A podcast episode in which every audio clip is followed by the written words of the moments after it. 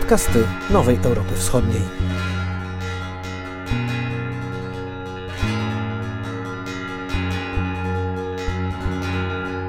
Białoruś rządzona przez reżim Aleksandra Łukaszenki coraz bardziej zamyka się za płotami, murami, niekoniecznie tymi, które Mińsk sam buduje, raczej prowokuje sąsiadów do budowania tych murów. To z kolei daje reżimowi w dużej mierze wolną rękę radzenia sobie z oporem.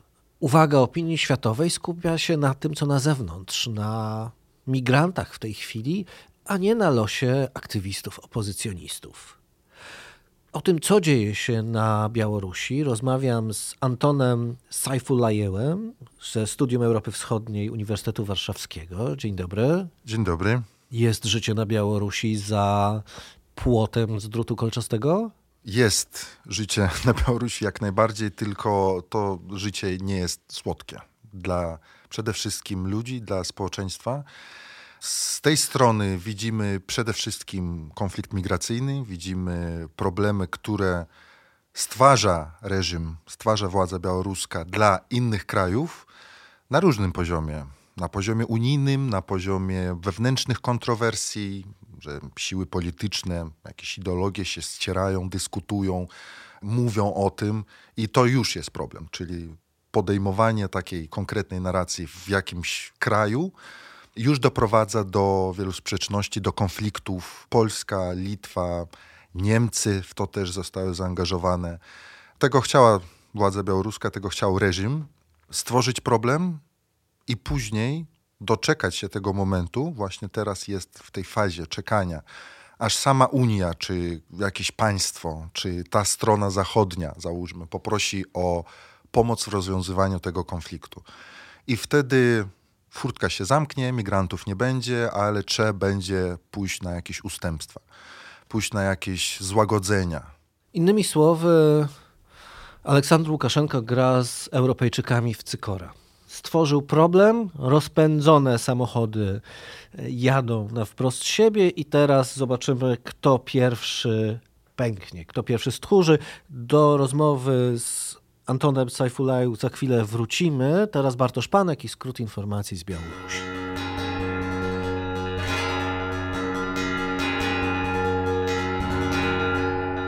Kolejne niezależne media działające na Białorusi trafiają na listę organizacji ekstremistycznych. Ostatnio do portalu Tutbaj, Bielsatu i Next dołączył kanał Euroradia w serwisie Telegram. Władze w Mińsku uprościły niedawno procedurę uznawania za ekstremistyczne już nie tylko samych mediów, ale poszczególnych czatów i profili w mediach społecznościowych. Decyzje w takich sprawach podejmuje sąd. Za samo przesyłanie linków w Telegramie grozi kara grzywny lub aresztu. Jednak białoruskie ministerstwo Ministerstwo Spraw Wewnętrznych sygnalizuje, że użytkownicy i uczestnicy uznanych za ekstremistyczne czatów muszą liczyć się z odpowiedzialnością karną. Sądy mogą skazywać takie osoby nawet na 7 lat więzienia.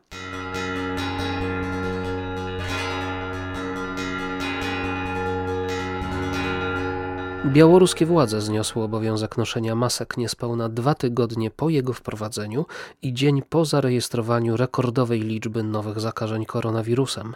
Nakazy zakładania maseczek medycznych obowiązywały we wszystkich zamkniętych miejscach publicznych, w transporcie zbiorowym i sklepach. Decyzja zapadła po odrzuceniu konieczności noszenia maseczek przez Aleksandra Łukaszenkę, który stwierdził, że takie działania są niepotrzebne, a samo zaniepokojenie epidemią określił jako psychozę. Łukaszenka powiedział, że to jest zaleta dyktatury.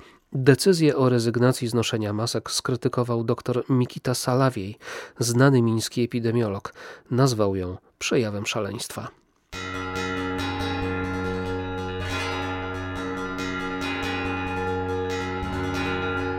Bądźcie silni, apeluje znana białoruska prawniczka Natalia Mackiewicz, obrończyni w głośnych procesach politycznych, której władze odebrały licencję. Mackiewicz formalnie straciła możliwość wykonywania zawodu wskutek decyzji Mińskiej Izby Adwokatów, poprzedzonej jednak decyzją ministerialną o wszczęciu wobec niej postępowania dyscyplinarnego dotyczącego rzekomych wykroczeń.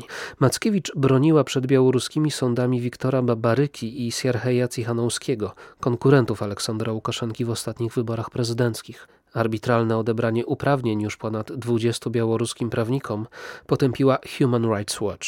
Nowojorska organizacja podkreśliła, że zawieszenie lub odbieranie prawa do wykonywania zawodu uderzyło w tych adwokatów, którzy publicznie wypowiadali się na temat łamania praw człowieka i bronili oskarżonych w procesach politycznych. Dwoje represjonowanych adwokatów, Maksim Znak i Ludmiła Kazak, zostało właśnie uhonorowanych nagrodą Międzynarodowego Stowarzyszenia Prawników.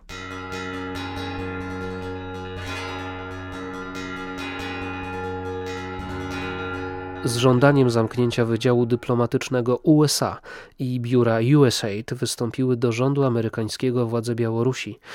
Julie Fisher, której Mińsk nie udzielił akredytacji na stanowisku ambasadora, zgadzając się tylko, by została specjalnym przedstawicielem, napisała w mediach społecznościowych, że władze Białorusi zmuszają ambasadę do zakończenia kontraktów ponad 20 białoruskich pracowników. Fischer potwierdziła jednocześnie, że Stany Zjednoczone nie przestaną udzielać wsparcia białoruskiemu społeczeństwu w dążeniu do demokracji i poszanowania praw człowieka. Władze w Mińsku oświadczyły, że z powodu utraty zaufania do obecnej administracji USA wstrzymują wszelkie działania związane z realizacją nowych projektów, grantów i programów pomocowych.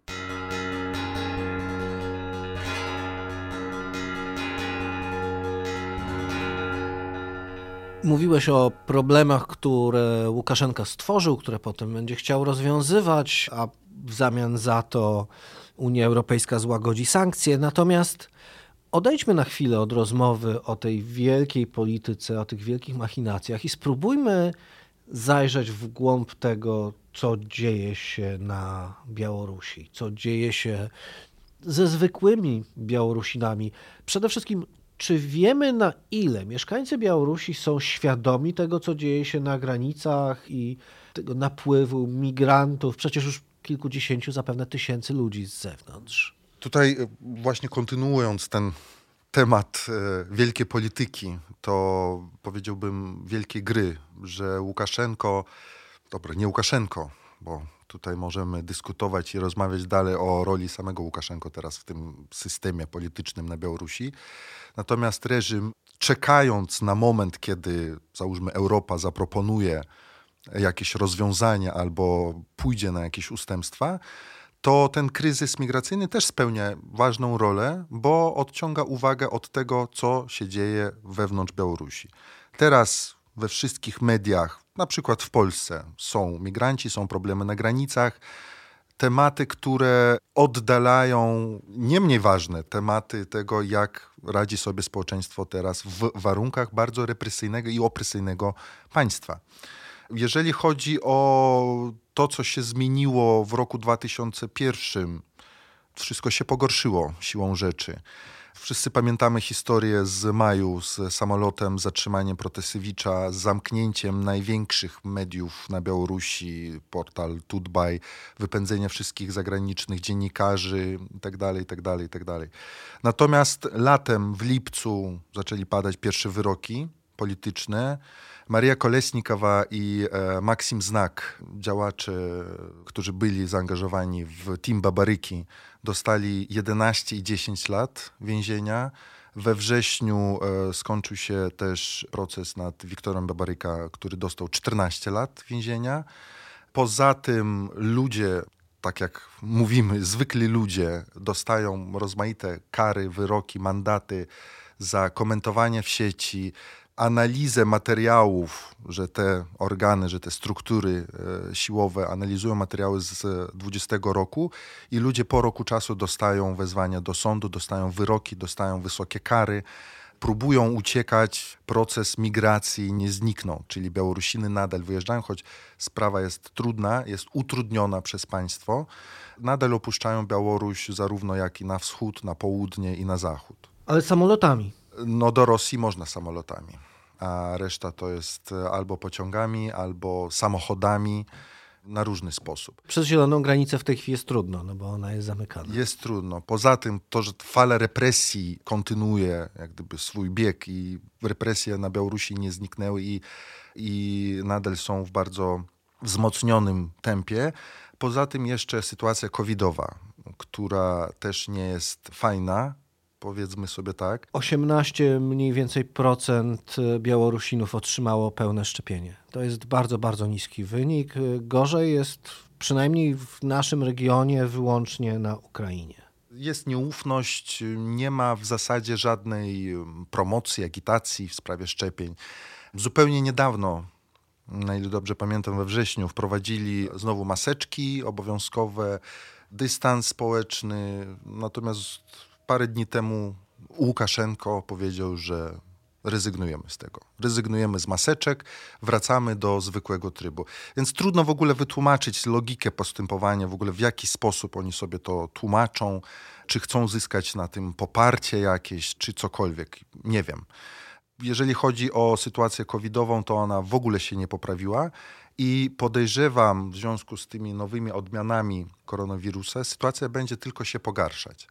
Mały procent zaszczepienia też e, jest związany z tym, że w zasadzie, no tak jak powiedziałem, żadnej propagandy, żadnej reklamy tych szczepień nie ma. Ludzie się boją, ludzie są nieufni, ludzie są zastraszeni, w szczególności po tak ciężkim roku nie chcą przyjmować e, szczepionki rosyjskie czy chińskie, bo podkreślam, że na rynku białoruskim obecne są szczepionki rosyjskie, białoruskie na rosyjskiej licencji i chińskie.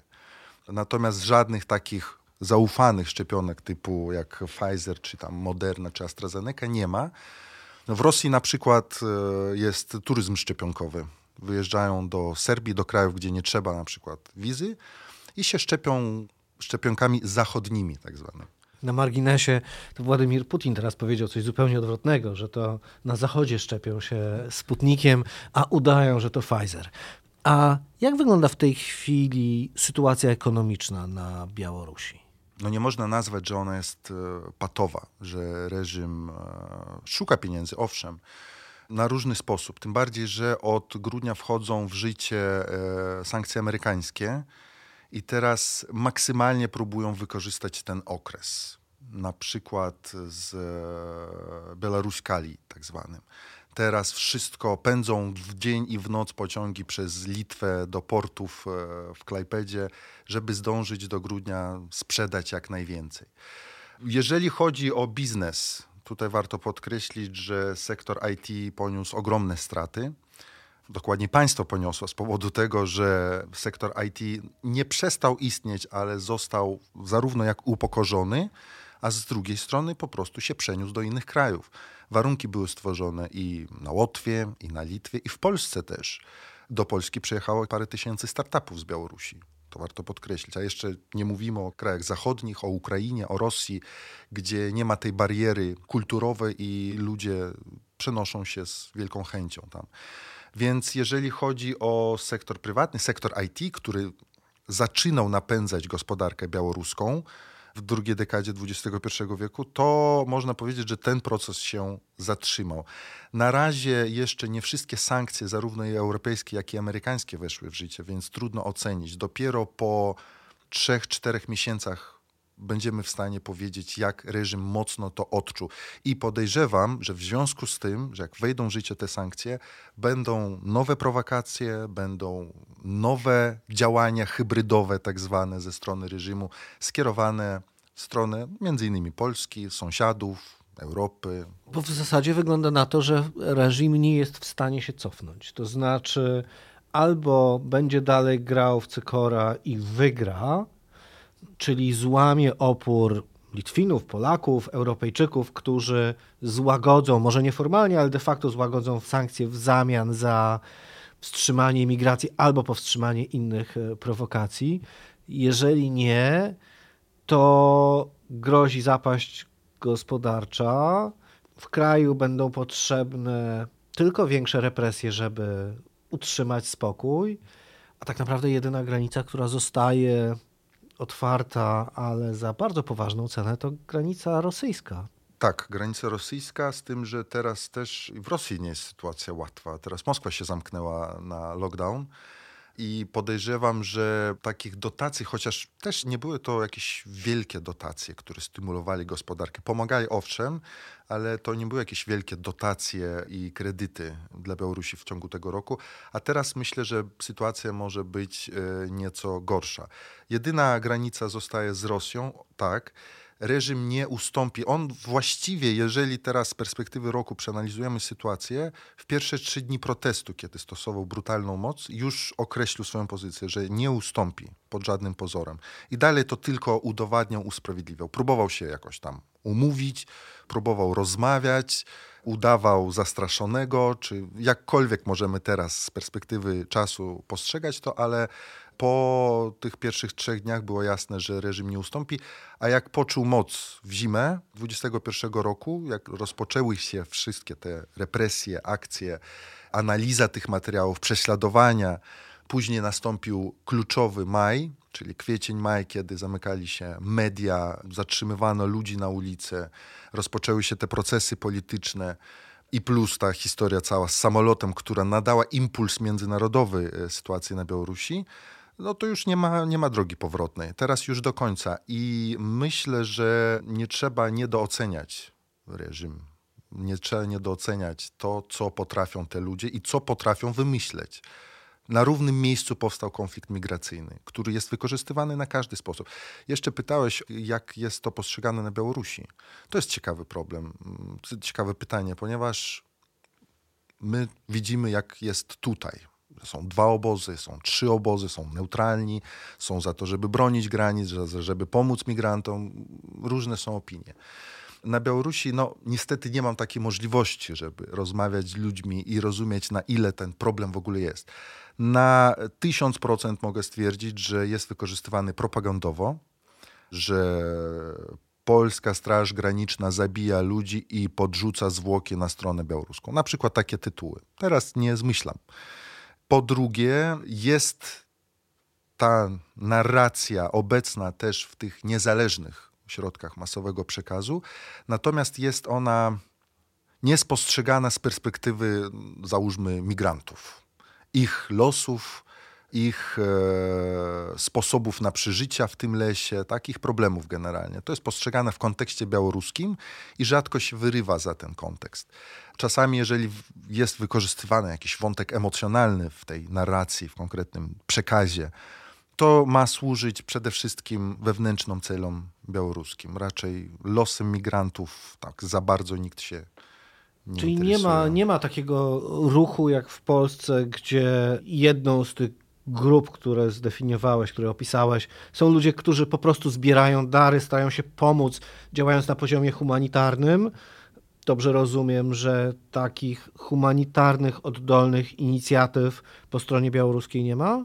Znowuż tutaj nie chciałbym, e, nie chciałbym wprowadzać w błąd. Na pewno to, co jest mi dostępne, czyli ta przestrzeń medialna do analizy, jakieś tam pojedyncze kontakty z tymi, kto się znajduje na Białorusi. Czegoś takiego na masową skalę nie ma. I najważniejsze, tego nie ma w polu informacyjnym.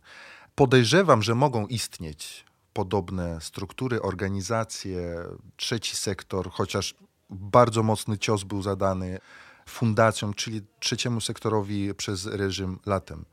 Jakieś stowarzyszenie ornitologów było zamknięte nawet. Na tej przestrzeni społeczno-politycznej problemy migrantów raczej nie istnieją. Być może pomoc jest, ale też warto powiedzieć to, że te grupy, które są przywożone do Mińska, do innych miast i później transportowane są na granicę, oni są strzeżone. Niemożliwe do nich dojść, do tych migrantów. Nie można z nimi porozmawiać, nie można zapytać, jak oni się okazały. Dopiero w Polsce czy na Litwie pojawia się taka możliwość zapytać tych ludzi. Oni są wprowadzane do hotelu, zabierane z hotelu do samochodów, odwożony na granicę i później na piechotę z jadącym z tyłu, no przecież są zdjęcia też udostępnione, e, z tyłu jedzie łazik, czyli SUV i z przodu idzie grupa 10-15 osób. Taka jest droga i szansy dotarcia, porozmawiać o potrzebach, o, o czymkolwiek z tymi migrantami, podejrzewam, że na Białorusi po prostu nie ma. Chociaż rzeczywiście należy zakładać, że jeżeli potem ci ludzie gdzieś tam przez lasy wracają, to oczywiście pomoc dostają no, najzwyczajniej na taką najbardziej podstawową, tak, taka ludzka ludzką. Były, tak. Natomiast też trudno się dziwić w takiej sytuacji, gdzie każda organizacja de facto, każdy sposób zorganizowania się Białorusinów jest nawet nie tyle napiętnowany, co jest brutalnie tłumione. Tak jest. Czy w takim razie z perspektywy białoruskiego życia, które wygląda coraz smutniej. No, pamiętajmy, że nawet e, artyści i piosenkarze są e, aresztowani za to, że w czasie demonstracji grali czy śpiewali. Czy gdzieś jakaś iskierka nadziei, coś się rysuje takiego, czemu należałoby się przyglądać, a co nadal jest poza obszarem działania reżimu. No bo możemy wyjść z założenia, że reżim będzie grał w tę grę z Unią i w pewnym momencie może, jeżeli nie Unia pęknie, no to może reżim pęknie, chociaż wtedy zwycięzca będzie dalej na wschodzie. A czy jest coś, co sami Białorusini mogą w tej chwili robić, robią? Przedstawię tylko swoje zdanie, które nie jest zbyt optymistyczne. W tych warunkach jeszcze jakiś czas trzeba będzie żyć. Reżim nie odpuści, będzie próbował się targować z Unią, żeby wrócić do stanu sprzed roku 2020. To jest główny cel w sytuacji geopolitycznej, międzynarodowej i wtedy możliwe jakieś ustępstwa, tak? Może się złagodzi to życie społeczne. Natomiast e, no, sygnał dla społeczeństwa był wysłany dosyć jasny. Telegram, komentowanie, nie tak popatrzył, nie to założył, czapkę czerwoną, sweter biały, już możesz być zatrzymany.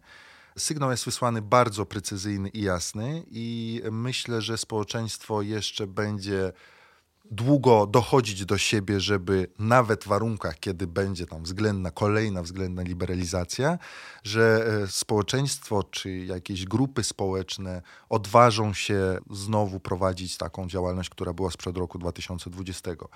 Podejrzewam, że system, ten system polityczny, który jest obecnie na Białorusi, on przetrwa z Łukaszenką czy bez, bo się szykują poprawki do konstytucji, możliwe jakieś przesunięcia, bo teraz też trzeba zwrócić na to uwagę, że e, Łukaszenko jest raczej, e, posiada ten niezbędny kapitał symboliczny, który utrzymuje reżim. Nie dzięki któremu się utrzymuje reżim, a dzięki któremu reżim się popisuje, że przetrwał.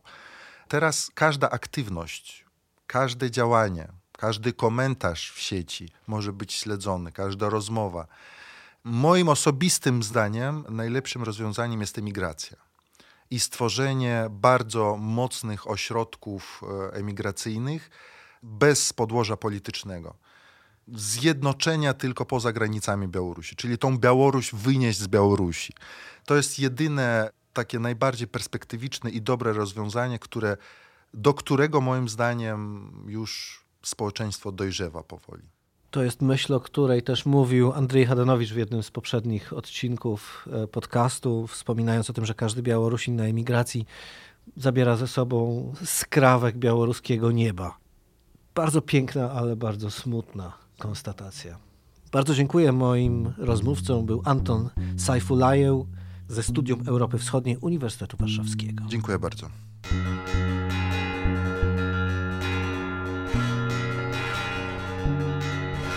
Podcast zrealizowany przez Free Productions.